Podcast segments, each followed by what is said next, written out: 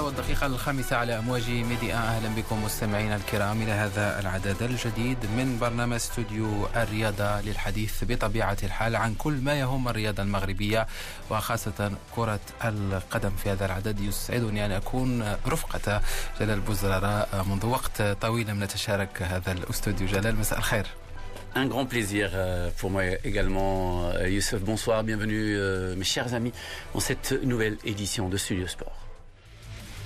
إذا الحديث في هذا العدد مستمعينا الكرام من برنامج استوديو الرياضة عن تأهل المنتخب المغربي للمرة السابعة إلى مونديال كرة اليد الذي سيقام بمصر العام القادم. تأهل جاء بعد الفوز بالأمس على منتخب الجابون في مباراة مهمة حسمت الأمور قبل مباراة اليوم التي تتواصل في هذه الأثناء أمام الرأس الأخضر والتي تعد شكلية بالنسبة للمنتخب المغربي. تونس ومصر يتنافسان على اللقب غدا بقصر الرياضة برادس في هذا العدد سنستمع لنور الدين البوحديوي مدرب المنتخب المغربي الذي يعود من جديد إلى المنتخب المغربي وبإنجاز كبير. ثم لعدل حنفي رئيس الاتحاد المغربي لكرة اليد. في هذا العدد سنخصص جزء كبير للحديث عن الماراثون الدولي لمدينة مراكش في نسخته الحادية والثلاثين. رفقة علي صلاح الدين موفد ميديا إلى مدينة مراكش. وبطبيعة الحال كرة القدم الحديث عن البطولة المغربية الاحترافية بمختلف مبارياتها هذا الأسبوع. ولا ننسى أيضا مشاركة الأندية المغربية في المسابقات الإفريقية. الوداد البيضاوي حسم بطاقة التأهل إلى دور ربع النهائي بعد فوزه بالأمس. فوز كبير تحت قيادة سيباستيان دو سابر في أول مباراة له كمدرب. جاء ربما للمرة الأولى مع فوز ضد الزمالك سنة 2016 ويعود بفوز آخر كبير على حساب اتحاد العاصمة الجزائري. ثم رجاء البيضاوي يلعب اليوم بتونس برادس أمام الترجي التونسي. ومباراة مهمة أيضا تبقى أهمية كبيرة لهذا اللقاء. ربما الرجاء يبحث عن تفادي الخسارة ثم حسم الأمور بمدينة الدار البيضاء خلال الجولة الأخيرة كما سنتحدث عن التحكيم جلال الذي يشغل الجميع في هذه الفترة من الموسم Et bien entendu, on suivra également aussi les résultats des principaux championnats européens. En ce moment même, le FC Barcelone se produit à Valence. Le Barça est mené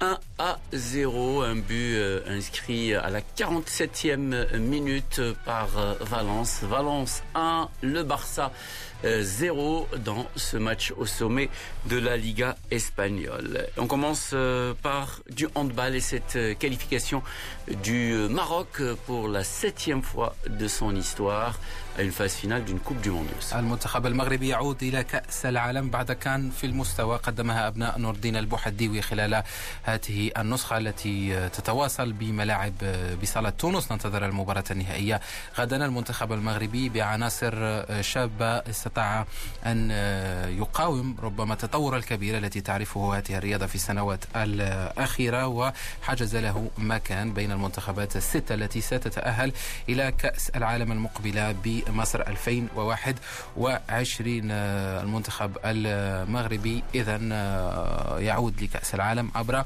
أو بيد نور الدين البوحديوي أحد رموز كرة اليد بالمغرب. نستمع إليه. ماذا قال عقب هذا التأهل؟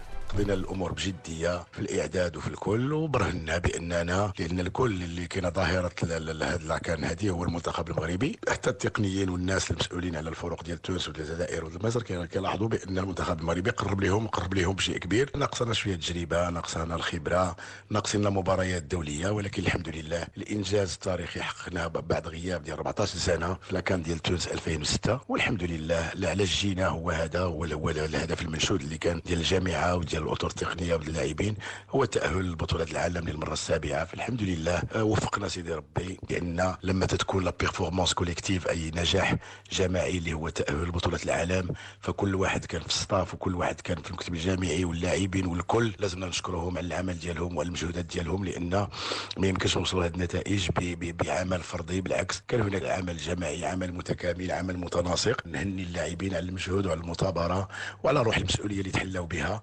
والحمد لله. وصلنا للهدف المنشود الآن. نفرحوا شي شوية ونفكروا في بطولات العالم لأن لازمنا الإعداد يبدا يبدأ شوية بكري باش يمكننا نهزوا راية البلاد لأن ماشي غير نمشيو باش نمشيو لبطولة العالم فلازمنا نظهروا بوجه طيب وبصوره حسنة اللي كترضي المغاربه نور الدين البوحديوي الناخب المغربي لمنتخب كرة اليد. آخر مشاركة للمغرب في كأس العالم كانت سنة 2007 بألمانيا. يعود بعد غياب طويل كما ذكر نور الدين البوحديوي الذي استمعنا إليه. يتحدث عن الفرحة وعن أيضا عن التطور الذي شهده المنتخب المغربي في السنوات الأخيرة. إنجاز يعتبر حصيلة عمل بعد سنوات من العمل خاصة في المنتخبات الفئات السنية. أيضا عدلي حنفي له نصيب من هذا الإنجاز رئيس الاتحاد المغربي لكرة اليد بدوره لا يخفي سعادته بهذا الإنجاز. تأهل لكأس العالم. اللي الحمد لله اللي كانت كرة اليد في أمس الحاجة إليه خصوصا هذه المرحلة الانتقالية اللي مرت منها كرة اليد الوطنية. الآن هذا التأهل غادي يعطينا واحد المكسب كبير وكبير جدا باش أنه هذه السنة هذه نشتغلوا ونحضروا أكثر لبطوله العالم ونلعبوا العديد من المقابلات في المستوى العالي. وغادي يمشي باش المنتخب يشارك خصوصا إن اللاعبين تقريبا تسع لاعبين أول مرة كيشاركوا من أول 99 تقريبا المنتخب الوطني الحمد لله غالبية ديالو فريق شاب الواعد اللي أبان عن مستوى عالي. الفرق الكبرى كانت الند ديال النديه خصوصا اللي جرى مع المنتخب الجزائري لجزئيات بسيطة اللي خلينا نتخسروا المقابلة. والكل أيضا شاف المستوى الفني والتقني أمام المنتخب التونسي رغم أننا لعبنا غير الفريق الثاني ولكن كان المستوى الحمد لله عالي وعالي جدا. هذا اللي كيخلينا بأنه نشتغلوا من الآن ونفكر خصوصا أنه بطولة أمم افريقيا القادمة 2022 غتنظم مدينة العيون وقوليميم لذلك فبطولة العالم غتكون محطة أساسية باش أن هاد اللاعبين يحتكوا أكثر والرهان اللي عند الجامعة نجحنا في الخطوة الأولى وهو التأهل ديال منتخب الكبار لبطولة العالم. عندنا الرهان الثاني وهو أن بطولة امم أفريقيا القادمة ديال الشبان والفتيان. الحمد لله قاطعين خطوات كبيرة إن شاء الله باش غادي نضمنوا التاهل ديال المنتخب الوطني ديال الشبان وديال الفتيان لبطولة العالم باش أنه هذه السنة ديال 2020 غتكون التاهل ديال جميع المنتخبات الوطنية لكرة اليد اللي غادي تخلينا نخلقوا أسس ديال منتخبات وطنية وعمل قاعدي سليم على أساس أنه إن شاء الله الرهانات المقبلة باش أننا نحضروا من الآن. عدلي حنفي رئيس الاتحاد المغربي لكرة اليد وتأهل تاريخي لكرة اليد المغربية إلى كأس العالم بعد غياب طويل بالنسبة لهذه النسخة آه، من كأس أمم إفريقيا لكرة اليد. تختتم غدا بين آه، بمباراتين مباراة ترتيب بين أنغولا والجزائر ثم المباراة النهائية بين المنتخب التونسي والمنتخب المصري كما كان متوقعا بطبيعة الحال قبل بداية هذه الدورة. تونس ومصر صراع دائم على التاج القاري.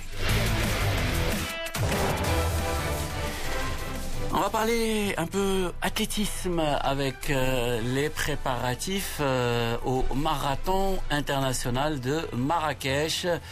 31e édition qui verra la participation d'athlètes venus des quatre coins du monde. Un marathon que suit pour nous Ali Salahdin qui a préparé un dossier sur cet événement. Ils seront plus de 13 000 coureurs au rendez-vous pour participer à l'un des plus prestigieux marathons du monde. Car il faut le dire, Marrakech offre un cadre exceptionnel, un climat souvent clément en plein mois de janvier et un beau circuit considéré parmi les plus rapides des marathons internationaux, le long des allées de palmiers, d'orangers d'oliviers, mais aussi des remparts de la ville. Le marathon fait lui clairement office de levier pour un tourisme déjà très prononcé dans la ville ocre. Mohamed Liknidri, le directeur du tournoi. Je pense que le Marrakech déjà, je pense que ça nous aide aussi. Plus évidemment de l'organisation qui est presque parfaite du marathon de Marrakech, qui est donc qui respecte les normes euh, internationales pour l'organisation d'un grand marathon. il y a aussi la ville de Marrakech, évidemment, la réputation de la ville de Marrakech, qui nous permet de drainer beaucoup de touristes. Et je peux dire que sur les marathoniens qui viennent à Marrakech, qui courent le marathon de Marrakech, 50% des marathoniens sont étrangers. Ils viennent principalement d'Europe, mais ils viennent aussi des autres continents, 75 à 76 pays de des cinq continents. Et puis pour le, le semi-marathon, on a à peu près 30% de coureurs qui nous viennent de l'étranger. Ce qui est déjà très important. Avoir déjà 50% de marathoniens qui viennent de, l'étranger, c'est déjà très important. Et puis pour dire euh, l'impact, peut-être il faut le dire aussi, l'impact économique sur la ville de Marrakech.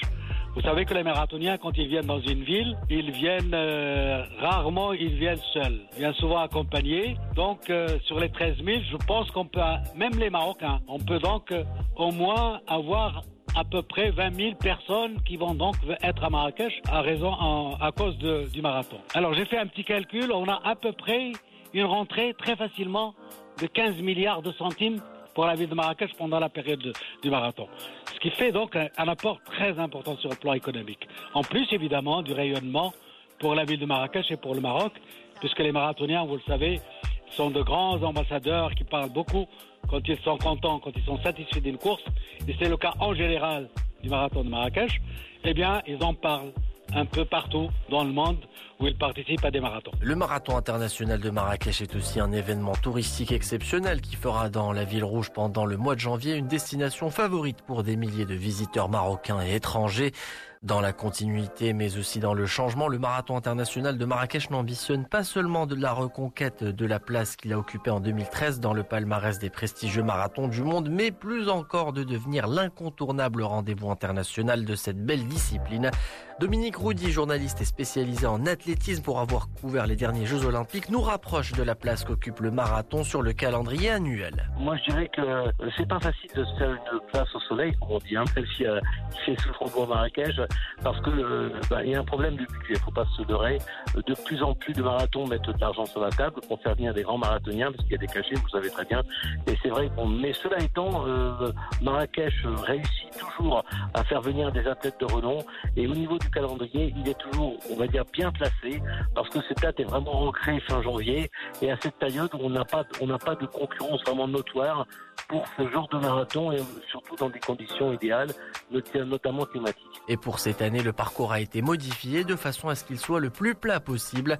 Moulay Ahmed El-Hasnaoui, le directeur technique du marathon. Il s'agit d'abord de préserver ce qui, fait la force de ce parcours, qui est plat, donc euh, qui va permettre une performance pour les meilleurs athlètes. Pour ça, tenant compte de certaines difficultés qu'on avait dans les dernières éditions, on a préféré changer le parcours de manière à ce qu'il longe les artères qui sont plats, euh, de manière à éviter des, dans des descentes ou des montées. Également, une, une, autre contrainte qui est relative à ce qui est sécurité, à ce qui est pas encombrer euh, la ville pour permettre aux gens qui veulent aller à l'aéroport ou bien qui sont en déplacement à Marrakech, bien que nous demandons euh, pour cette matinée que, que ce soit une matinée sans voiture si c'est possible. Donc, euh, pour ce qui est parcours, vraiment, notre souci, c'est d'avoir, de permettre aux meilleurs athlètes de réaliser des performances et par la suite même pour le commun des mortels, pour tous les athlètes, de, de réaliser leurs performances. Et pour cette année, le plateau s'annonce très relevé, autant chez les messieurs que chez les dames. Dominique Roudy nous en parle. Ça fait plusieurs années que je viens couvrir au niveau des médias français donc, le marathon international de Marrakech. Et c'est vrai qu'au fil, des années, on voit une certaine évolution au niveau de déjà du nombre de participants, mais surtout de la qualité. On a de plus en plus d'athlètes qui viennent ici à Marrakech parce que toutes les conditions sont idéales pour euh, ce début de saison. C'est nickel pour eux. Fin de compte, toutes les conditions sont réunies et on attend toujours beaucoup euh, du marathon féminin c'est un petit peu, c'est un peu la jante féminine qui tient, on va dire, le, haut du pavé souvent, et c'est surtout, euh, on attend beaucoup de ce record du marathon de Marrakech au niveau féminin, parce que, les, ben, comme vous l'avez dit, les conditions sont là. Il y a beaucoup d'Africaines, d'Éthiopiennes et tout qui viennent souvent prendre leur repère là, parce qu'après il y a la saison internationale, et puis on sera quand même, faut pas l'oublier, en 2020 en année olympique à, à Tokyo. Donc le marathon de Marrakech, c'est un, je dirais que c'est un, un, carrefour incontournable pour les, les marathoniens. La confrontation entre les top runners s'annonce intense pour les athlètes marocains. L'objectif sera d'améliorer leur performance avec des chronos honorables. Moulay Ahmed Hasnaoui évoque ce sacré challenge pour les Marocains avons opté pour un plateau qui va permettre vraiment, sur ce qui est euh, des meilleurs athlètes marocains, tels que le Kouahi, qui est à 2h08, euh, donc tout près de, des autres athlètes qui sont à 2h07 et 2h08 tels que Ruto du Kenya ou Obei de, de l'Éthiopie, ça, je parle là des, athlètes phares qui, euh, dont on s'attend à ce qu'il y ait une performance de leur part. Comme chaque année, euh, nous, attendons à ce euh, qu'il y ait des athlètes, des athlètes, marocains espoirs, euh, comme vous le savez. Certains athlètes commencent par le semi-marathon et puis par la suite, euh, ils se dirigent vers le marathon. La 31e édition pourrait donc permettre aux athlètes marocains de franchir un palier à l'image d'un marathon qui a su se construire une réputation au fil des ans. Mohamed Liknidvi nous parle des clés de la réussite de l'événement. Il faut dire que le marathon de Marrakech, c'est un marathon qui est organisé d'abord par des spécialistes, des sportifs. Les parrains du marathon de Marrakech sont donc les champions des marathons, par exemple comme Mouaziz. Il y a Ghalib aussi, qui est donc un parrain, et tous les champions donc euh, au niveau du marathon et du semi-marathon. Tout cela a fait que Marrakech est devenu une vraie école pour le lancement des champions en marathon et semi-marathon. Et c'est pour cela d'ailleurs que tous les marathoniens marocains, ils viennent courir le Marrakech. Il y a aussi des autorités. Et je peux dire que les autorités nous ont beaucoup aidés avec tout cet appui. Nous euh, allons, non seulement on a fait de ce marathon ce qu'il a été, mais nous allons en faire donc un marathon qui deviendra de plus en plus grand, qui aura de plus en plus de notoriété. Le rendez-vous est donc pris pour euh, dimanche prochain à Marrakech pour cette 31e édition du marathon et semi-marathon international où une longue journée attend les athlètes qui seront au départ à partir de 8h30 du matin à l'avenue de la Ménard.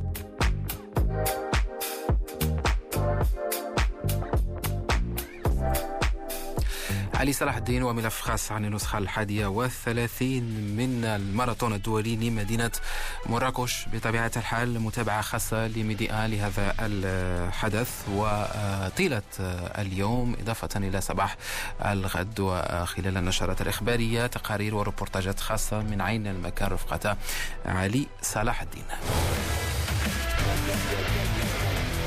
نواصل مستمعينا الكرام هذا العدد من برنامج استوديو الرياضة ونفتح صفحة كرة القدم التي نستهلها من إفريقيا ومباريات الجولة الخامسة من مسابقة دوري أبطال إفريقيا الوداد البيضاوي للسنة الخامسة على التوالي في الدور ربع النهائي من هذه المسابقة بعد فوزه الكبير على اتحاد العاصمة الجزائري بثلاثة أهداف لهدف واحد الوداد قدم مباراة كبيرة ربما هي الأفضل له هذا الموسم مع مدرب جديد سيباستيان دو سابر الذي يعود إلى بيت الوداد البيضاوي ليرتب الأمور ونحن في منتصف هذا الموسم بعد إقالة الصربي زوران مانولوفيتش دو سابر بالأمس لم يغير كثيرا في تشكيلة فريق الوداد البيضاوي اعتمد نفس الأسماء ونفس النهج ربما هي الروح هي التي تغيرت داخل الفريق الأحمر كازادي المهاجم الكونغولي ما زالت النجاح الشجاعة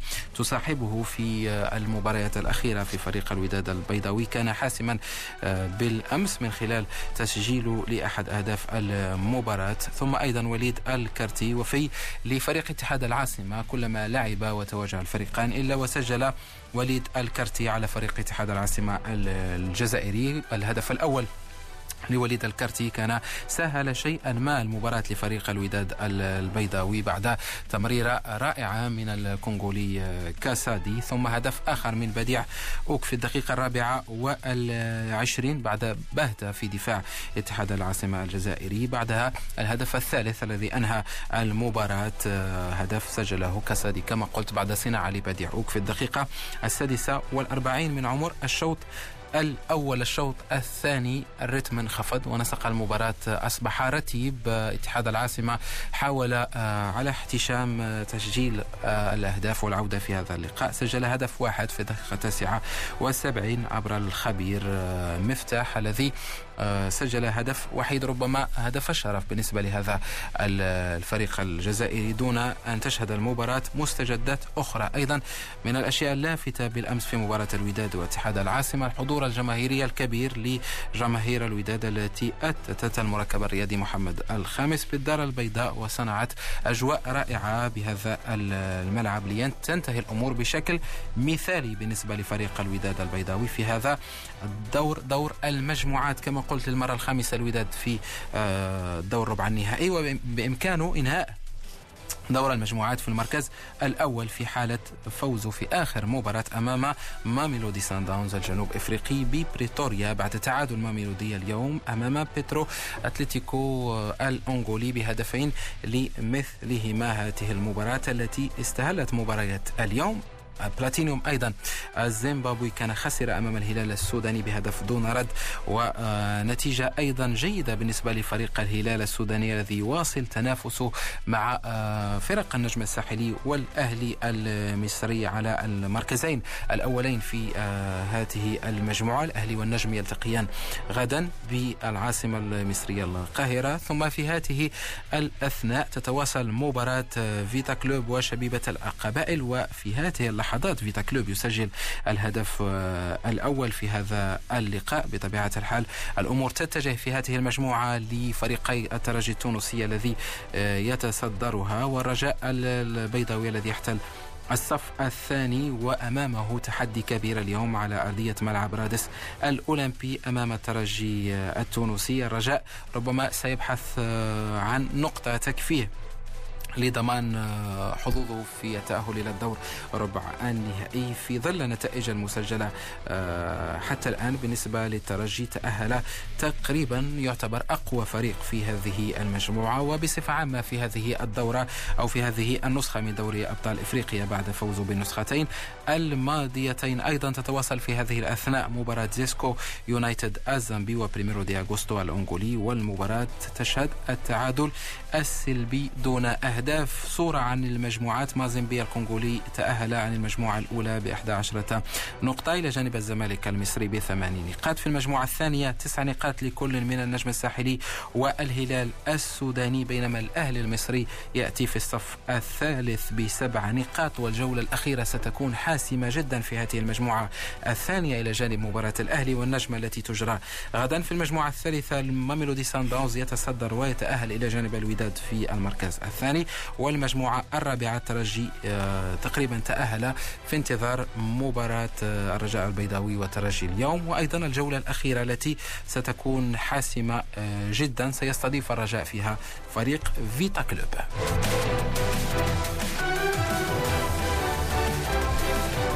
نبقى دائما في المعترك الإفريقي والمباريات الخاصة بمسابقة كأس الكونفدرالية الإفريقية التي تهم فريقي حسنية اكادير وفريق نهضة بركان. غدا الحسنية تستضيف إنيمبا النيجيري الحسنية التي تعيش فترة رائعة على المستوى الإفريقي. على عكس ذلك في البطولة المغربية هناك صعوبات كبيرة يعيشها الفريق ومباراة ستكون تكون هي الأولى دون المدرب أو الثانية دون المدرب محمد آه، فاخر في المجموعة التي يلعب فيها الحسنية المجموعة الرابعة الصدارة لحسنية أكادير بعشر آه، نقاط متبوعا بإنيمبا بست نقاط ونادي بارادو الجزائري بأربع نقاط. الحسنية تكفيه نقطة للتأهل رسميا إلى الدور ربع النهائي للسنة الثانية على التوالي. بينما نهضة بركان في المجموعة الثالثة أمامه آه، مباراة في المتناول أمام إيجابي من البينين آه، نهضة بركان بعد الخسارة أمام فريق آه، زاناكو أو موتيما بيمبي خلال الجولة الماضية. الأمور آه، لا أقول تعقدت لكن أصبحت أصبح هناك خطر من الخروج بعد عودة زناكو في السباق. ولحقوا بفريقين نهضة بركان وموتيما بيم بفارق نقطة واحدة يفصل نهضة بركان عن زناكو الذي يحتل الصف الثالث. نهضة بركان مطالب بالفوز من أجل الوصول للنقطة العاشرة وبعد ذلك نقطة تكفي في الجولة الأخيرة. الفريق البركاني من أجل التأهل إلى الدور المقبل دور ربع النهائي أهداف نهضة بركان ربما تتجاوز هذا الموسم الدور ربع النهائي بعد أن بلغ النهائي خلال النسخة الماضية.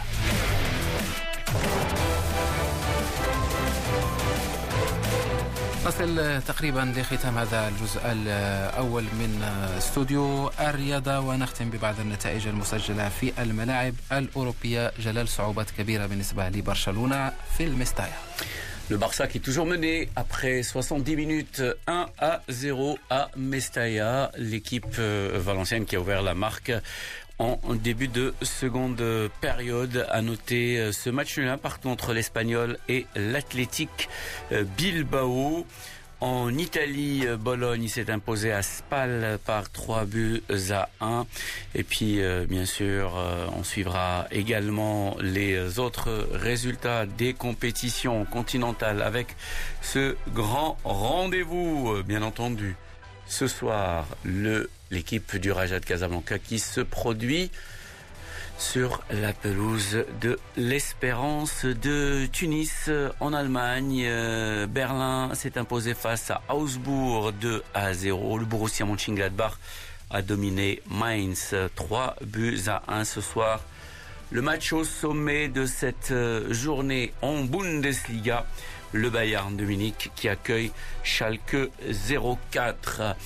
Dans la seconde partie de Studio Sport, on parlera beaucoup euh, football avec la valse des entraîneurs qui se poursuit et notamment l'Ittihad de Tanger avec l'annonce de la démission de Hicham Dmiri. On va écouter euh, Hicham Dmiri euh, tout à l'heure et puis on parlera de futsal avec le début mercredi prochain de la Coupe d'Afrique des Nations. Restez à l'écoute, on va se retrouver dans un court instant pour la seconde partie de Studio Sport.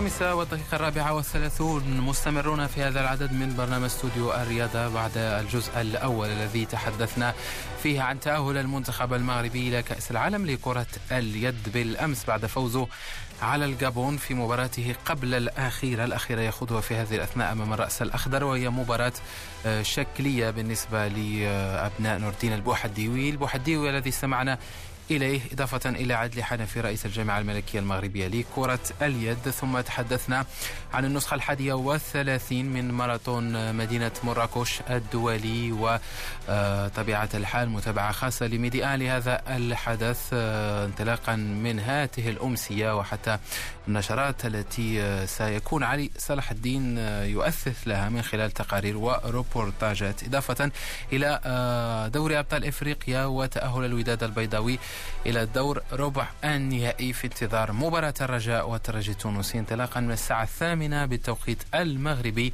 هذه الأمسية بمدينة تونس العاصمة.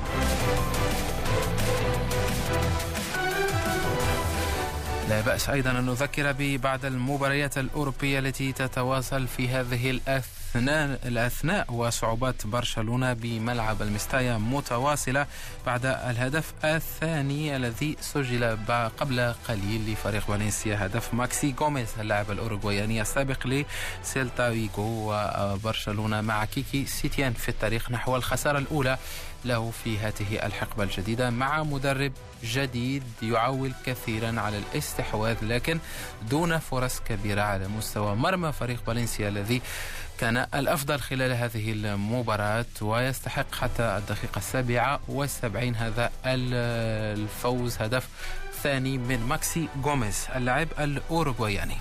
نعود إلى الشأن المحلي البطولة المغربية الاحترافية التي تتواصل هذا الأسبوع بإجراء الجولة الرابعة عشرة تنطلق بمباراة يوسفية برشيد رجاء بني ملال انطلاقا من الساعة السابعة ثم يوم الأحد نهضة زمامرة أمام الجيش الملكي انطلاقا من الساعة الثالثة وانطلاقا من الساعة السابعة الأحد فتح الرباطي يستقبل الدفاع الحسني الجديد الفتح الرباطي دون مدربه وليد الرقراقي الذي تنقل إلى نادي دحيل القطري في تجربة احترافية لهذا المدرب هي الأولى آه، لوليد الرقراقي الذي كان استهل مشواره مع رشيد الطوسي مع المنتخب المغربي سنة 2013 خاض بعدها مباشرة تجربة آه، الفتح الرباطي وتعد تجربة ناجحة بعد أكثر من ست سنوات داخل هذا النادي. حصد لقب كأس العرش ولقب البطولة المغربية إضافة إلى أنه كون جيل كامل بالنسبة لفريق الفتح الرباطي الذي يعتبر من أكثر الأندية استقرارا في البطولة المغربية.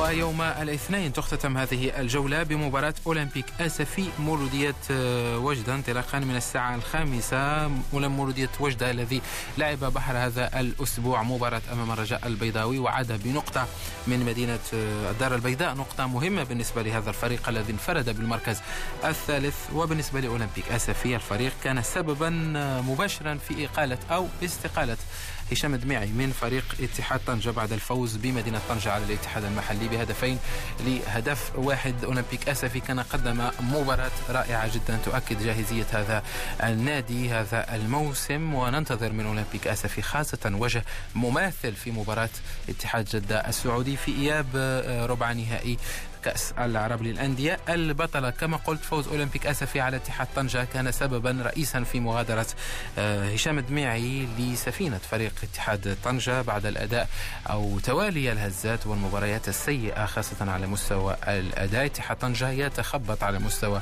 الإدارة التقنية تغييرات كثيرة. من بدأ الموسم هو نبيل نيغيز والآن نصل لمدرب الثالث وربما سيتم تعيين بيدرو بن علي في الساعات القادمة آه، وسنكون أمام مدرب رابع لهذا الفريق. ماذا قال هشام الدميعي في المؤتمر الصحفي؟ نستمع إليه. une déclaration à faire للجامعه وشامله بغض النظر على المباراه تاعت اليوم crois que أنا إنسان عندي واحد شوية تاع la fierté وشوية الكرامه je que je suis venu Tanger dans l'espoir باش حتى حنا كشخصيا إنسان يزيد الأمام. الفريق كان في وضعيه صعبة هادشي عرفتو.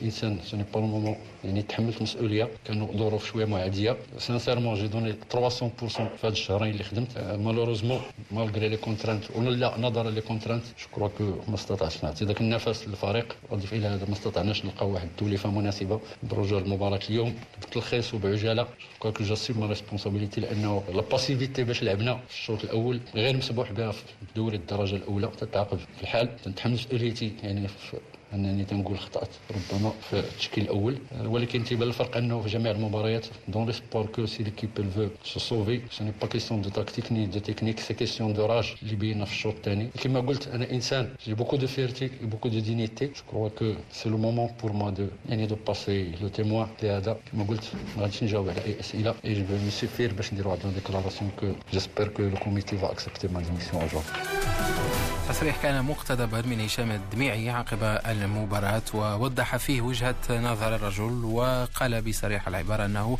لم يضف شيئا لفريق اتحاد طنجة ليس بسبب أن هشام الدميعي ربما ليس بالمدرب الجيد ولكن بسبب الأجواء المصاحبة لفريق اتحاد طنجة هذا الموسم. وربما هناك الكثيرين يعودون إلى سنة التتويج بلقب البطولة المغربية. ومن يقول أنها كانت مجرد صدفة لأن النادي لم يبني أساس آه، ربما يتجه عليه نحو سنوات جيدة على مستوى المردود التقني. وأيضا الاستقرار أجواء النادي المحيطة بالفريق. على أي ننتظر اتحاد طنجة الذي قد يعين مدربا جديدا في الساعات المقبلة والحديث عن اسم بيدرو بن علي كانت هذه خلاصة مباريات الجولة الرابعة عشرة وأيضا آه، بعد الأخبار الخاصة بالأندية المغربية نتحول إلى كرة القدم داخل الصالة والمنتخب المغربي يواصل تحضيراته لكأس إفريقيا للأمم التي تنطلق يوم الثامن والعشرين بمدينة العيون المغربية. هشام الدقيقة الذي كان ضيفا خاصا على استوديو الرياضة يوم السبت الماضي. نعود إلى السماع لتصريح مقتضب بخصوص كيف حضر أسود الأطلس لهذا المحفل. وأيضا ماذا ربما ما هي رهانات هشام الدقيق الذي يعتبر بطل إفريقيا المنتخب المغربي يحمل لقب هذه النسخة. نستمع لهشام الدقيق المنتخب الوطني المغربي الفوتسال كيتهيئ في واحد الظروف آه، جيدة. الحمد لله الحالة الصحية ديال اللاعبين كلها مزيانة. وحنا يعني كنظنوا أننا في, في أتم الجاهزية باش ناخذوا الغمار ديال هذه المنافسة. التركيز كله منكب حول المباراة الأولى آه، ضد المنتخب آه، الليبي. يعني غادي تكون مباراة قوية ملغومة شيئا ما لأننا ما عندناش بزاف المعلومات على على الفريق الليبي. ثم عندنا المشكل ديال ديال لاصال إننا القاعه يعني يلاه يلاه الحمد لله تم التجهيز ديالها من طرف الجامعة الملكية. حنا ما مولفينش نلعبوا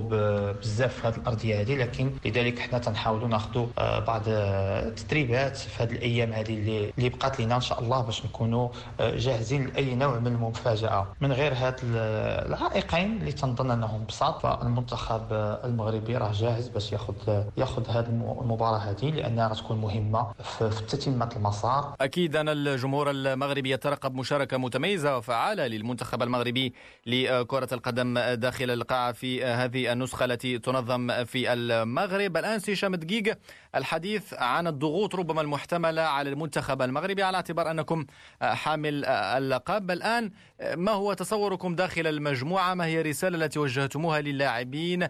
هل بالفعل المنتخب المغربي سيدخل من أجل الدفاع عن اللقب من دون أي ضغوطات؟ وأيضا كيف يجب تدبير المسار لأن قبل الوصول إلى النهائي لابد من تدبير مباراة على حدة بشكل بطبيعة الحال يضمن للمنتخب المغربي الظهور بوجه طيب خلال هذه المنافسة. الهدف ديالنا راكم كتعرفوه هو أولا إن شاء الله نمشيو لكأس العالم عبر تأهل نصف النهائي ثم ناخذوا نمشيو ناخذوا البطاقة ديالنا لكأس العالم ومن بعد نحاولوا نحاوروا المنافسة باش نحافظوا على اللقب ديالنا إن شاء الله في بلادنا لكن هذه الساعة هذه المسائل كلها حبسنا منها مع اللاعبين ولا آه، التركيز ديالنا غير مع المباراة الأولى. وغنمشيو آه، مقابلة بمقابلة إن شاء الله باش نكونوا في المستوى المطلوب. هشام دقيقة الناخب المغربي في كرة آه، القدم داخل الصالة ورهانات كبيرة تنتظر هذا المنتخب انطلاقا من الثامن والعشرين بمدينة العيون المغربية الثامن والعشرين من هذا الشهر. ضمن آخر ربما المواضيع التي نطرقها في هذا العدد من برنامج استوديو الرياضة هو موضوع التحكيم المغربي وحرب البلاغات التي آه، يعيشها الوسط الكروي المغربي بعد احتجاجات كثيرة من آه، مختلف الفرق المغربية تقريبا دون استثناء. الكل يشعر أنه مستهدف. نحاول الإجابة في هذا الملف الخاص.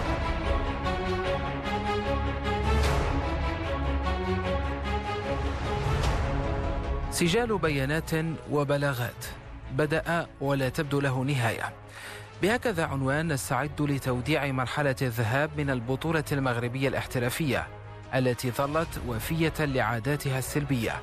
كثرة تغييرات في الطواقم التقنية احتجاجات كبيرة على التحكيم ومستوى متوسط في المستطيل الأخضر. الكل يشكو من أصحاب البدل السوداء ويكيل لهم الاتهامات يمنة ويسرى. فهل فعلا هم سبب هم الفرق المتشكية؟ أم مجرد شماعة يعلق عليها الفشل بدرجته؟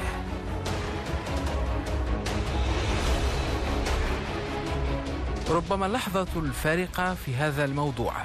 تبقى مباراة أولمبيك خريبكا ويوسفية برشيد. التحكيم الكارثي لهشام التيازي والذي كلفه الإيقاف مدى الحياة في انتظار استئنافه ومستجدات القضية التي خف تسييطها في الأيام الأخيرة زاد من حدة الاحتجاجات وعمقها لتصل لمعظم فرق البطولة. المغرب التطواني أولا بعد مباراته أمام الرجاء واحتجاجه بنشر بلاغ ضد الحكم عادل زراق. ثم الرجاء البيضاوي الذي احتج بشدة على الحكم رضوان جيد وسمى أداءه في مباراة نهضة بركان بالمهزلة. ثم راسل المديرية المركزية للتحكيم. ليعقب ذلك بلاغات من رجاء بني ملال وأخيرا أولمبيك آسفي بعد مباراة الوداد. كل هذه المعطيات تضعنا أمام صورة واضحة. التحكيم في قفص الاتهام والتهم فضفاضة. رئيس فريق أولمبيك آسفي أنور دبيرة يتحدث عن أسباب بلاغ الفريق المسفيوي وهل هو على حق؟ بطبيعة الحال من بعد يعني الأداء التحكيمي اللي كان في المقابلة ديال الوداد الرياضي وتبع الجميع بأنه كيفاش الحكم يعني الطاقم التحكيمي وخاصة الحكم ديال المساعد يعني في على جوج المرات انه من خلال الاهداف اللي سجل فريق الوداد الرياضي وخاصة الهدف الثاني كان من تسلل واضح وهذا الشيء اللي أثر على النتيجة ديال المقابلة. و donc كان ضروري باش أن فريق أولمبيك اسفي محسن ديال المسير صدر بيان باش يعبر الراي العام والقائمين على الشأن كره القدم المغربي بأنه غير راضي عن الأداء ديال الحكام وتدخلهم في تغيير نتيجة المقابلة. وكذلك آه، يعني كان اليوم بالموازاه البيان آه، توجيه رساله إلى رئيس الجامعة وإلى مدير التحكيم. آه، قصد يعني يعني تحليل الوضعية وتحقيق هذه الأمور اللي وقعت في يعني خاصة الاحتساب الهدف لأنه فاش يكون عندنا يعني حكم مساعد في هذا المستوى وفي لقاء قمة بين وداد الرياضي وفريق أولمبيك أسفي واللي تي تي يعني تيحتسب يعني هدف من التسلل واضح يعني أمور لا تبعثها الارتياح بالنسبة للتحكيم في كرة القدم المغربية. من جهته فريق رجاء بني ملال الذي يعاني في أسفل الجدول ويبدو أقرب إلى الدرجة الثانية منه إلى البقاء. في الأولى يتهم بشكل صريح على لسان رئيسه محمد عفيف التحكيم. بلغ شمل عدة حالات عدة مباريات. إلى إلى لاحظتوا معنا؟ يعني إلى سنين المباراة الأولى ديال المغرب التطواني فجوج المباريات تقريبا كلهم فيهم أخطاء تحكيميه اللي مؤثرة اللي أثرت علينا إحنا بشكل كبير.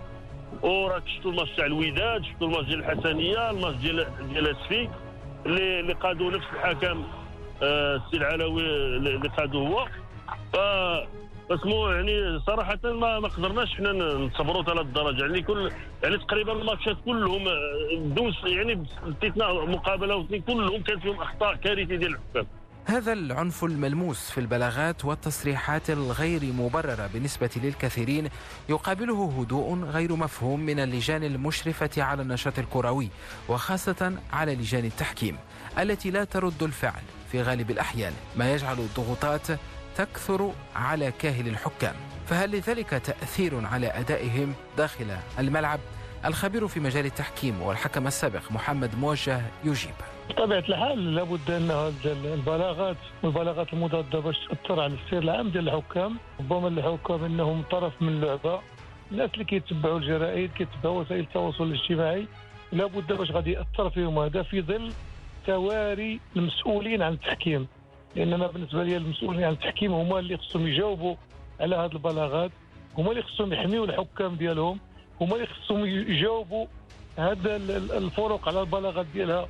ويحاولوا يقنعوها على الاستفسارات ديالها وكذلك يفتحوا المجال لوسائل الإعلام باش يمكن لهم يتجاوبوا معهم باش يعطيو الإجابات الكافية والشافية على كل ما يدور في الساحة التحكيمية. منين كيخليو هذا الفراغ؟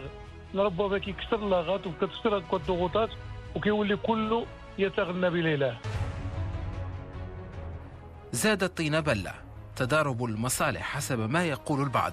رئيس عصبة كرة القدم التي تشرف على تسيير شؤون البطولة المغربية سعيد الناصري هو أيضا رئيس الوداد. فكيف سيكون هو الخصم والحكم في نفس الوقت؟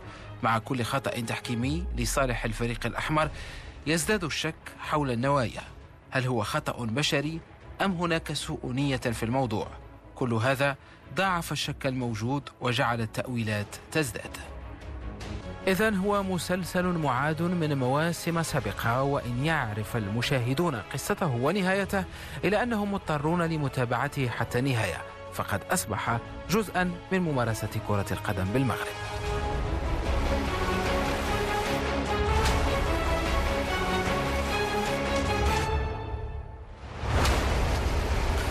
التحكيم في الواجهة ومشاكل كبيرة يعيشها آه، تحكيم المغربي في السنوات آه، الأخيرة. آه، كل الأندية المغربية تتشكى وتستهدف التحكيم ولا حل يبدو في الأفق. على أي كانت هذه محاولة للإحاطة بهذا الموضوع الذي يصنع الحدث في الفترة الأخيرة. مع ختام هذا العدد مستمعينا الكرام تنتهي أيضا تقريبا مباراة برشلونة وفالنسيا بملعب المستقبل مستايا فوز فالنسيا بهدفين دون آه، رد في هذا اللقاء وتقريبا تتبقى دقيقة على نهايته. وأول خسارة للمدرب الجديد لبرشلونة كيكي سيتيان في مباراته الثالثة بعد فوزه على غرناطة في الجولة الماضية. الفوز أيضا بصعوبة بحر هذا الأسبوع على إيبيزا في كأس ملك إسبانيا بفضل ثنائية لجريزمان. ويعيش خسارته الأولى بملعب المستايا وربما يسرع ذلك من التعاقد مع المهاجم الإسباني مهاجم مهاجم فالنسيا رودريغو الذي آه، دخل في الشوط الثاني وقد تكون هي دقائق الأخيرة بقميص الخفافيش. بهذا مستمعينا الكرام نصل لختام هذا العدد من برنامج استوديو آه، الرياضة. آه، لا أجد من كلمات سوى أن أشكركم على حسن الإصغاء والمتابعة.